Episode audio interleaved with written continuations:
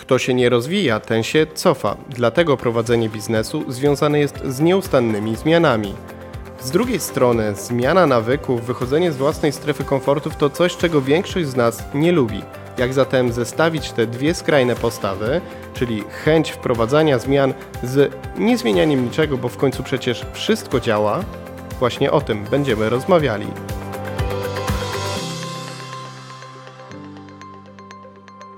Przed Tobą, słuchaczu, kolejny odcinek podcastu Przyspiesz Biznes. Dzisiaj naszym gościem jest profesor Wojciech Czakon. Dzień dobry, panie profesorze. Miło dzień dobry.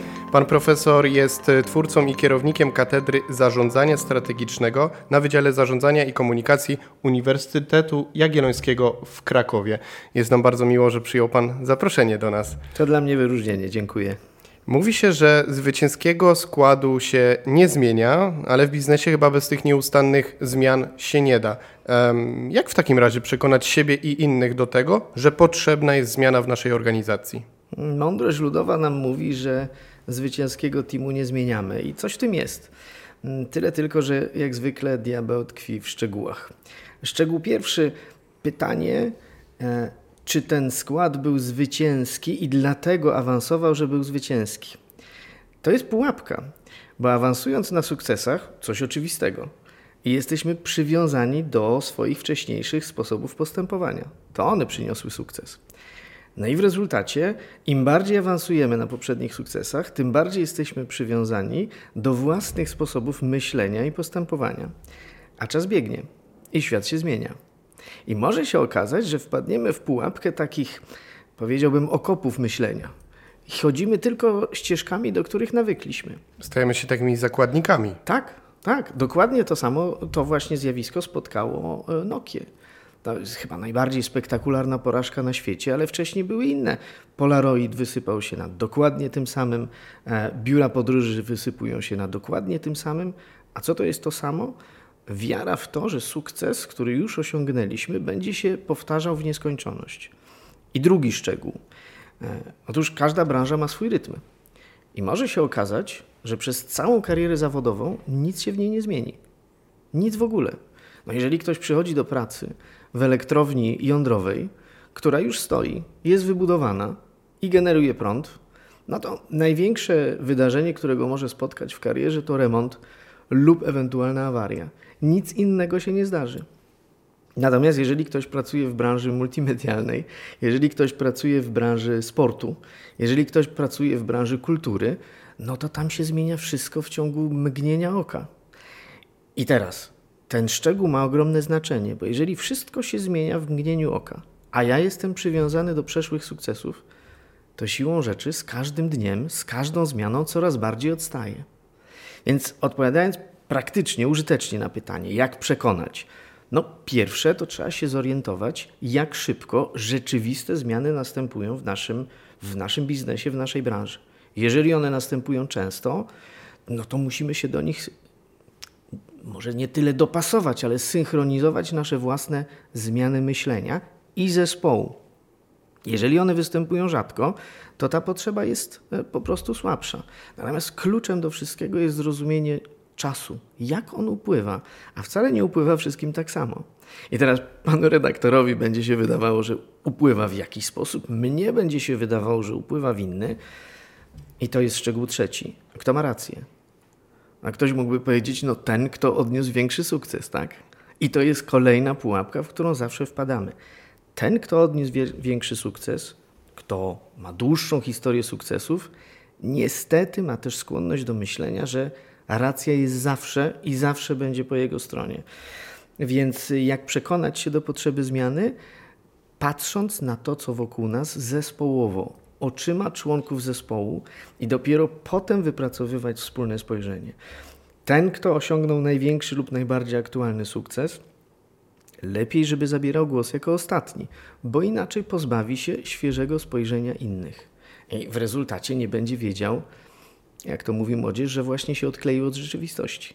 A im większy sukces, tym chyba większe brzemię takie czuwa nad, czy stoi, czy czyha nad takim przedsiębiorcą. Tak, i, i wyzwanie polega na tym, żeby mieć świadomość, że każdy sukces to jest trochę, można by porównać do paraboli czy do górki. Każda górka, no, jak już na nią się wspniemy, daje nam piękny widok, daje nam poczucie spełnienia, satysfakcję, no, poczucie autentycznego sukcesu.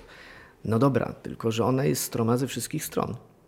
I po każdym wspięciu się na górkę, nieuchronnie, prędzej czy później, nastąpi upadek.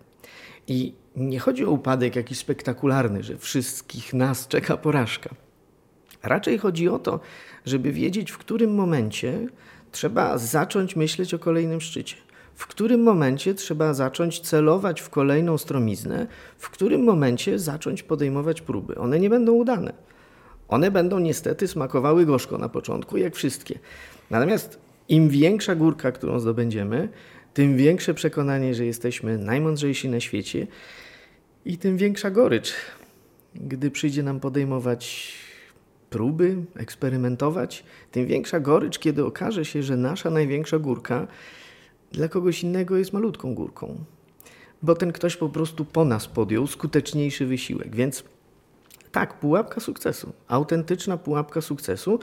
I drogą wyjścia z tej pułapki jest po pierwsze świadomość. No ale to się łatwo mówi, kiedy człowiek jest w blasku e, fleszy. Po drugie, zespół, który powinien być różnorodny. I po trzecie, jednak kultura otwartej rozmowy. To jest klucz do każdej organizacji. Możemy mieć najlepszy możliwy zespół, ale bez kultury otwartej rozmowy nigdy nie skorzystamy z pomysłów, które tam są. Samsung to jest wielka firma, ona się kojarzy z sukcesem, z innowacjami, prawda? E, w Samsungu zorientowano się, że nie będzie już kolejnych innowacji, jeżeli nie przełamią kultury hierarchicznej. A kultura hierarchiczna polega na tym, że pracownik nie zabiera głosu niepytany, nie przerywa przełożonemu i w ogóle się nie wypowiada, jeżeli mówi przełożony. No, w ten sposób przełożony nigdy nie usłyszy żadnego pomysłu. Co więcej, ten pracownik będzie zawsze sfrustrowany i odejdzie. Prędzej czy później odejdzie, albo się wycofa w takim wewnętrznym znaczeniu. I dlatego Samsung wprowadził dwa czy trzy lata temu rewolucyjną zmianę, to jest strategiczna zmiana tak zwanej kultury wewnętrznej przedsiębiorczości. Skracamy dystans, mówimy do siebie po imieniu. Każdy, kto chce zabrać głos, po prostu go zabiera, a nie hierarchia, bo ona w zespole psuje nam możliwość dostrzeżenia zagrożeń, no i niestety szans też bo nigdy nie wiadomo, który jest który. To trochę brzmi, jakbyśmy w ogóle tak podważali ten, um, można powiedzieć, no, system wartości, ten sposób jakby traktowania właśnie w naszym społeczeństwie, jednak osoba bardziej doświadczona, starsza, y, przyjęło się, że zawsze ma więcej racji, ma więcej wiedzy. E, tymczasem no, ten świat, który nam przyspiesza, powoduje, że musimy się coraz więcej uczyć, że nie tylko na tej szkole poprzestajemy, tylko uczymy się przez całe życie, że już tak z tymi seniorami, oczywiście w cudzysłowie, tak, e, tak to nie jest takie oczywiste, że on ma zawsze rację. Mm, to jest bardzo ciekawe, dlatego że w gruncie rzeczy nie chodzi o to, żeby powiedzieć jedni albo drudzy, tylko żeby dopuścić obydwa głosy do stołu. E, jeżeli chodzi o seniorów, tak ich pan nazwał, ja się obawiam, że też do nich się zaliczam, chociaż całe życie myślałem, że to nigdy nie nastąpi. E, no więc następuje. Doświadczenie jest użyteczne wówczas, gdy rzeczy zdarzają się w podobny sposób. E, dzisiaj mówimy o wysokiej inflacji i jest pewna, mm, pewne poruszenie, zwłaszcza wśród młodszego audytorium, e, wśród tych ludzi, którzy niedawno wzięli kredyty hipoteczne na przykład. No dobrze, ale ludzie, którzy mają 50 lat lub więcej, przeżyli wyższą inflację. E, pierwszy rok rządów pana Balcerowicza to była inflacja 235%. No, 20 nic przyjemnego, ale byliśmy, przeżyliśmy to. Czyli to doświadczenie jest bardzo użyteczne, bo po pierwsze wiedzą, że może być gorzej, po drugie wiedzą, że może też być lepiej, ale to kosztuje wyrzeczenia. E, druga sprawa, dokładnie ta sama okoliczność następuje w rodzinach. Ta słynna babcina mądrość. Dlaczego babcina mądrość jest taka urzekająca? bo ona jest prawdziwa. To jest mądrość, która pochodzi z doświadczenia i z perspektywy 60-70 lat obserwacji życia. Jest jednak ale. I tu pan redaktor ma rację mówiąc, że świat przyspiesza i to nie tylko o tempo chodzi. To chodzi o zmianę, e, mówi ładnie, substancjalną, co do treści. To znaczy, że to, co było, przestaje być. Robią się inne zdarzenia. Kwestia punktualności na przykład, która była traktowana z pewną swobodą przed pandemią, a świat cyfrowy nagle nas wepchnął w punktualność co do sekundy. Zaczyna się spotkanie na Zoomie, na Teamsach o 11.00 i wszyscy mają być o 11.00. To jest ciekawe, bo tego nigdy wcześniej nie mogło być. Technicznie się nie dało być punktualnym. A wobec tego ta kultura, tradycja, doświadczenie zderzają się ze zjawiskami, których nie było i przez to są nie tylko bezwartościowe, ale mogą być mylące. I z tego wynika, i to też się pojawia w nowych organizacjach, w tych, które tętnią życiem, że właściwie zachodzi potrzeba nauczenia tych seniorów, jak ich Pan nazwał, nowej rzeczywistości, na przykład cyfrowej, i do tego najlepsi są najmłodsi pracownicy. Czyli zamiast mieć mentora w postaci senior-junior, mamy mentora w postaci junior do seniora. I to ma sens. I to ma sens, bo wykluczanie jednej grupy ze względu na jakąś charakterystykę, mówiąc już całkowicie brutalnie, to jest tak, jakby wsadzić sobie widelec w jedno oko. Tak, drugim będziemy nadal dobrze widzieć. Ale może dwa to lepiej. Tak się wydaje, tak się wydaje, że jednak dwa to lepiej. A taką zmianę, mm, jak już chcemy połączyć na przykład taki świeży, nowy punkt widzenia z tym doświadczeniem, jest jakaś zmiana w organizacji, zaczynać od siebie, jako od menedżera, od szefa, prezesa, właściciela, czy też wymagać, wprowadzić ją i wymagać od innych i sprawdzać, jak ona wygląda. Hmm. Powinniśmy być piewcą, jeśli chcemy wprowadzać zmianę, tym orędownikiem, czy raczej z góry założyć, że ta zmiana będzie wprowadzana i tak powinniście według niej, że tak powiem, pracować, a potem oczywiście według tej zmiany sobie aranżować to miejsce pracy, ten workspace. No, tu dwa ważne słowa się pojawiły. Jedno, e, lider, szef, e, prezes, jak go nazwać, tak go nazwać, no ale ten najważniejszy, czy ta najważniejsza. E, a drugie ważne słowo to organizacja. Jeżeli chodzi o pierwsze słowo, wiadomo, że ryba psuje się od głowy i wiadomo także, że przykład robi cuda. I jeżeli szef nie demonstruje zaangażowania w problemy, w podejście, w rozwiązanie, w zmianę kultury, nic się nie stanie, bo wszyscy będą mieli poczucie, że skoro szefa to nie interesuje, to i nas nie musi. Więc jeżeli chodzi o szefa, to tak, on ma obowiązki wyższe, większe i cięższe niż pozostali. Natomiast jest jeszcze organizacja. I tu dochodzimy do takiego kłopotliwego trochę punktu. Otóż organizacje z zasady nie lubią zmian. Organizacje wolą funkcjonować rutynowo, bo wtedy są efektywne. No i, i mamy napięcie, bo zmiana jest jednak, co już sobie powiedzieliśmy, od czasu do czasu potrzebna, a w niektórych branżach nawet często. E, co w związku z tym? No więc potrzebne jest wytworzenie przestrzeni w organizacji, e, w której to napięcie będzie niższe. Jak to zrobić?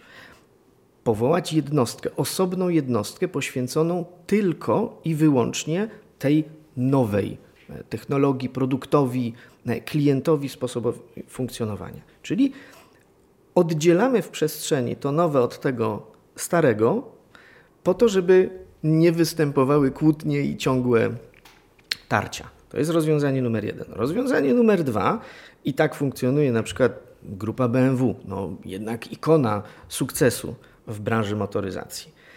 Raz na jakiś czas, przez 3-4 lata, pracujemy nad nowym i naprawdę eksperymentujemy. Wdrażamy, szukamy, mylimy się po to, żeby znaleźć to nowe następne. A potem przez kolejne 4 lata tylko to robimy. I znowu kolejne 4 lata, i to się, na to się mówi waha, wahadłowanie, vacillation, taka chwiejność. E, świadomie w czasie ustawiam te rzeczy, okres zmian, okres stały, okres zmian, okres stały, znów, żeby organizacji dać odetchnąć i funkcjonować sprawnie, ale nie wylewać dziecka z kąpielą, nie zabijać innowacyjności.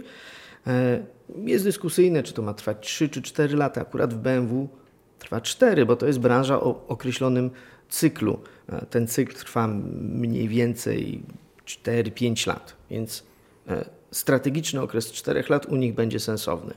W branży gier komputerowych to jest za długo. E, raczej byśmy myśleli o 18, może 16 miesiącach. Eksperymentujemy, a potem pracujemy.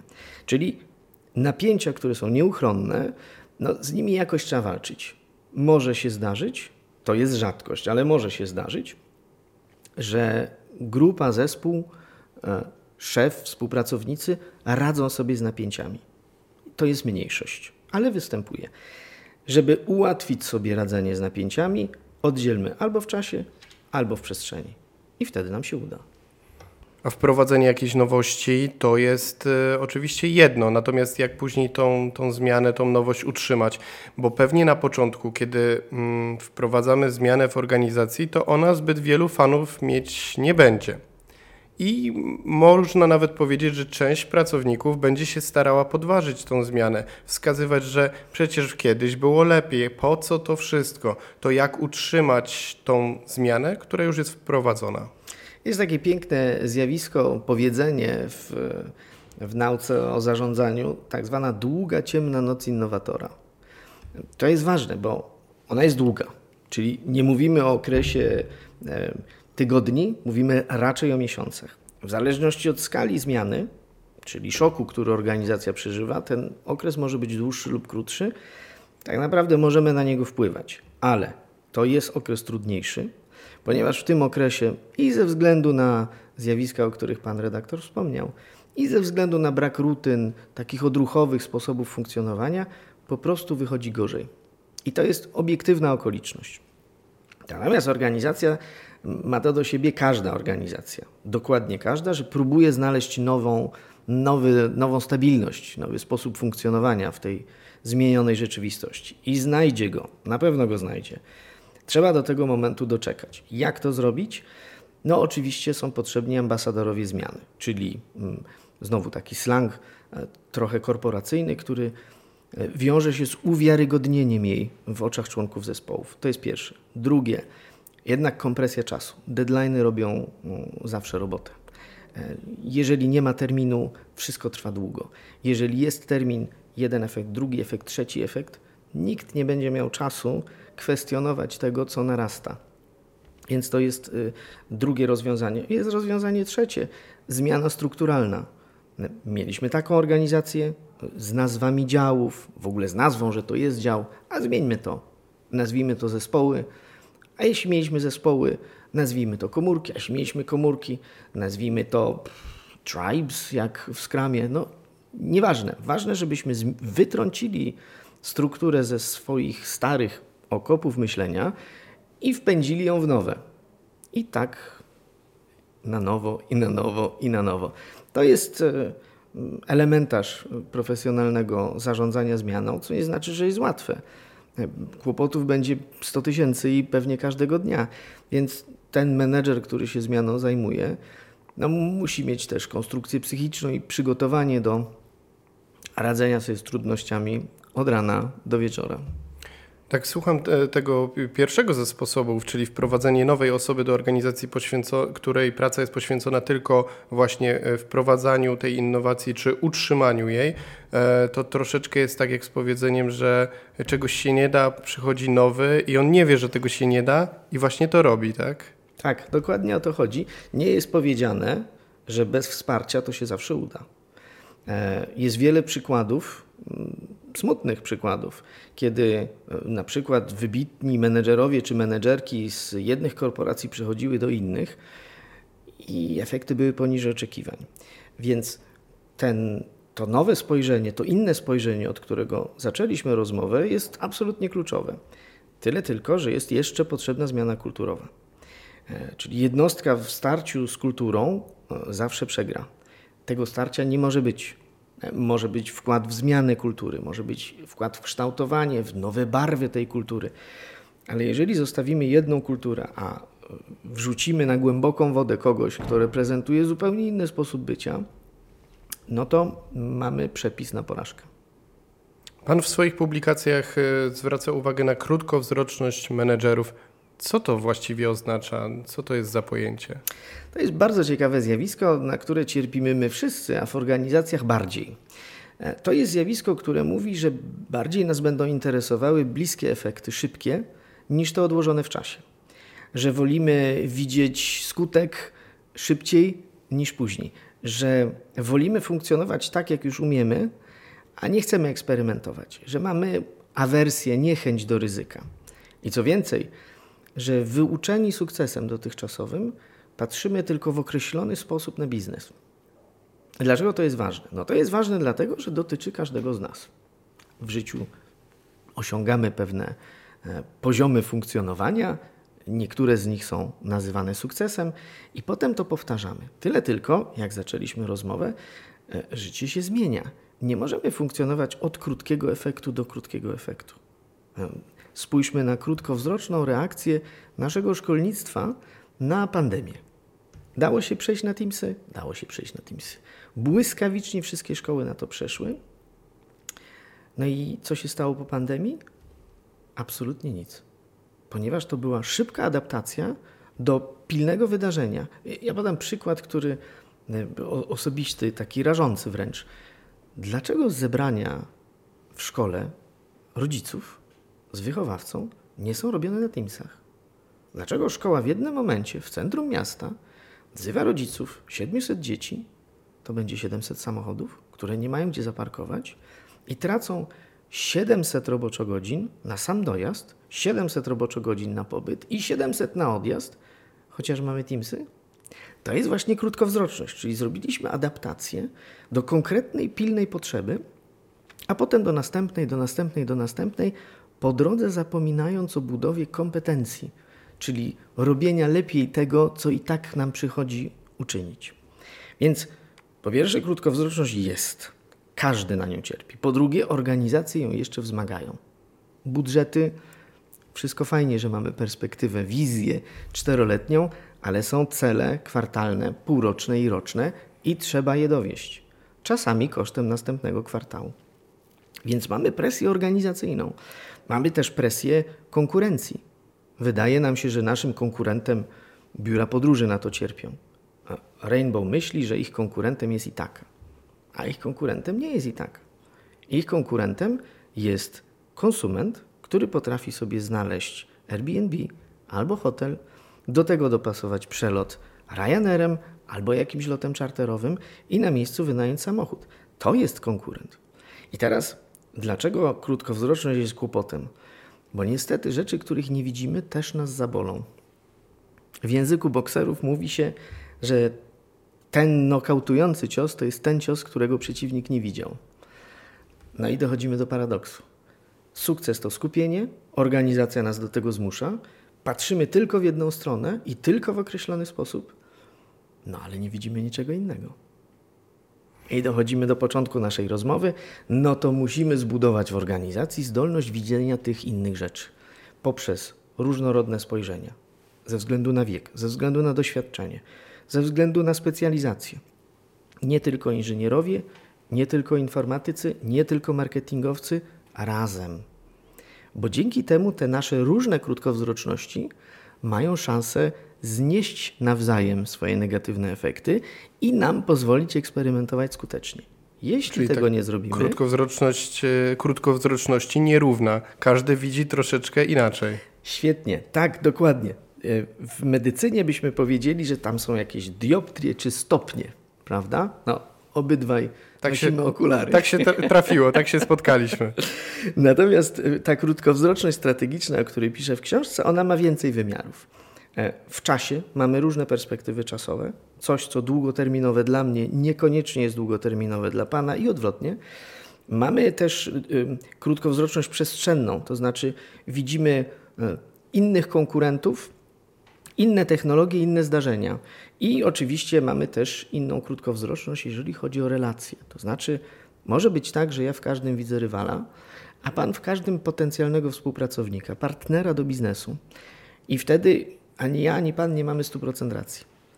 Ale, i, i tu potwierdzam pana trafną obserwację, nasze krótkowzroczności są różne.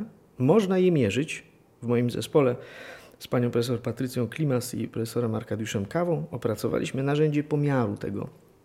Takie psychometryczne, jak test na inteligencję na przykład.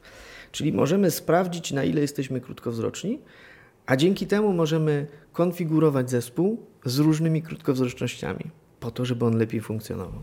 Bardzo kupuję ten przykład z tą szkołą. To jest, to jest e, zmiana, do której się szybko szkoły zaadaptowały i z niej nie korzystają. Ale nie korzystają, bo w jakiś sposób no, nadal mogą sobie na to pozwolić. No, świat się nie wali. Natomiast od tego, czy, czy ci rodzice przyjeżdżają do szkoły, czy też są e, dostępni na Teamsach, e, oczywiście pewnie byłoby wygodniej, ale to już druga sprawa. Natomiast e, no, w przypadku biznesu, gdzie liczą się pieniądze, każda, każdy błąd to jest utracony e, przychód, no i te, te długofalowe mm, strategie są bardzo potrzebne, ale jak je przygotowywać, jak je opracowywać, skoro no, my musimy też czasem myśleć właśnie planami.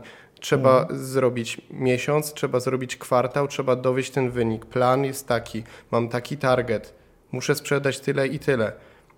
Brakuje już tego czasu na myślenie, co dalej. Może za rok będę miał ośmioosobowy zespół, a teraz mam tylko dwuosobowy, no to już może będę się przygotowywał mentalnie, jak zarządzać ośmioosobowym. Tylko, że nie ma czasu na to, bo jestem zajęty od rana do wieczora doganianiem tego wyniku, za który dostanę kolejną wypłatę.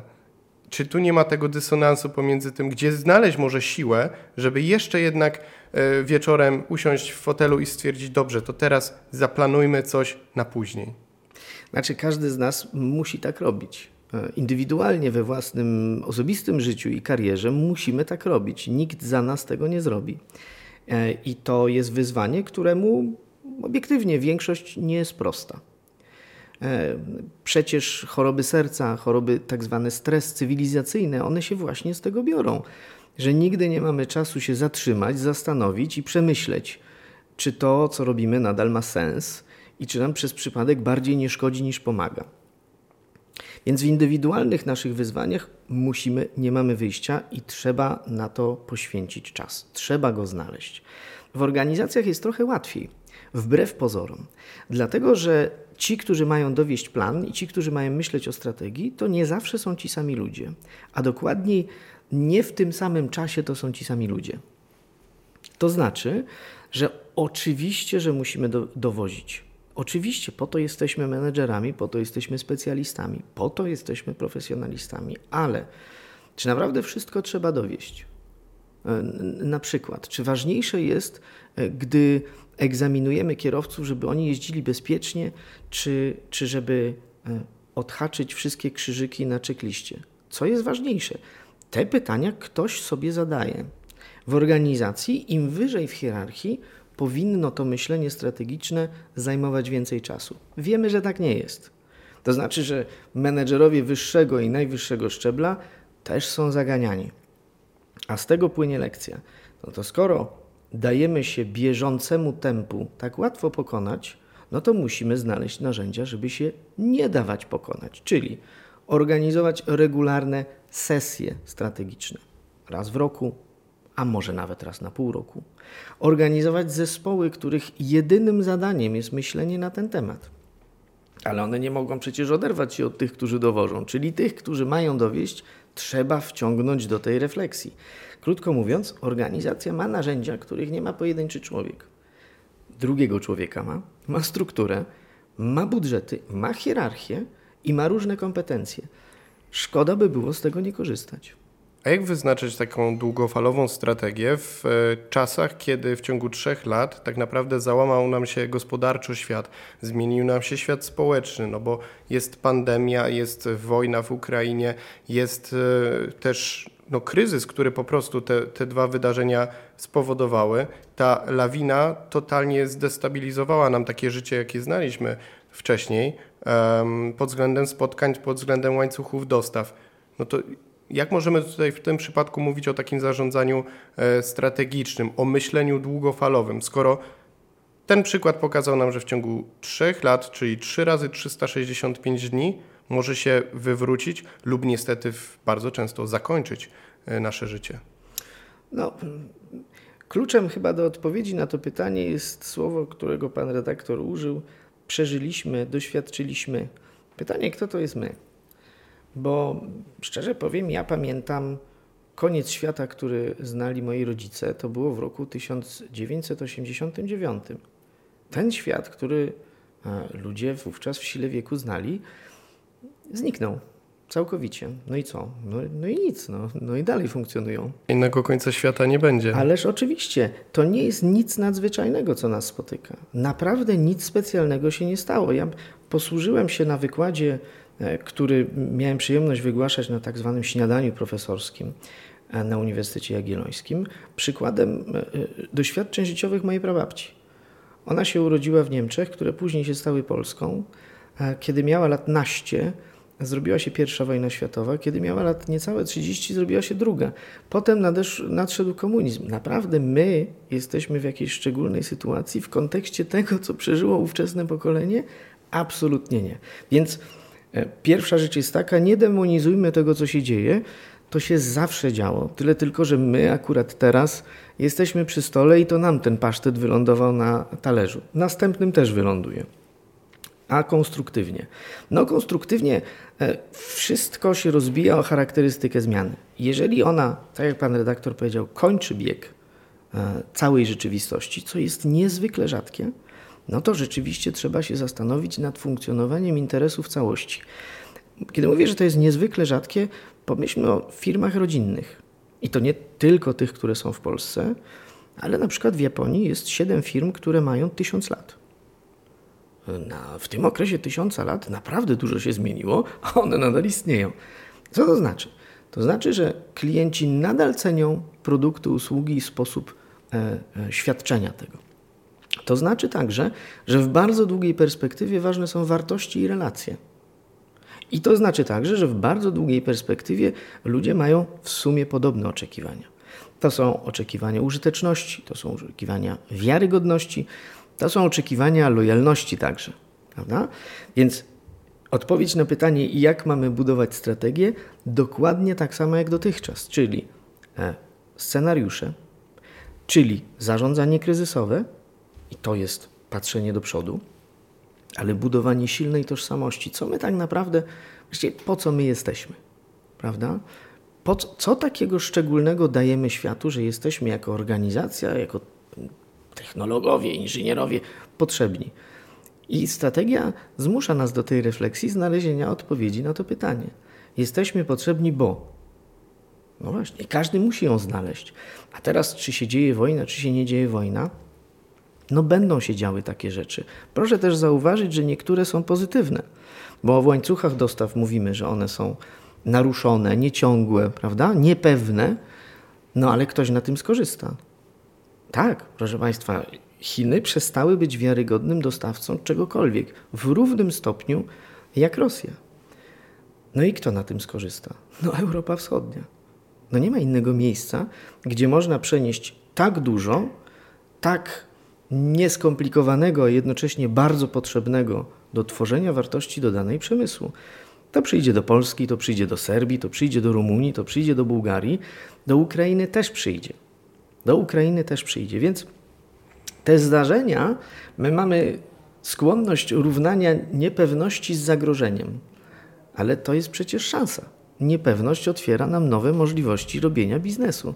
No to korzystajmy. W przypadku piekarni, która e, no wiadomo, że nie, nie będzie miała tysiące lat, tak jak w Japonii, ale jest jakąś tam firmą rodzinną, od kilkudziesięciu lat e, robi chleb, wypieki, E, według sprawdzonego sposobu, który smakuje ludziom. Ustawiają się kolejki. Mm, ale na przykład teraz wzrost cen gazu, prądu może taki biznes dobić.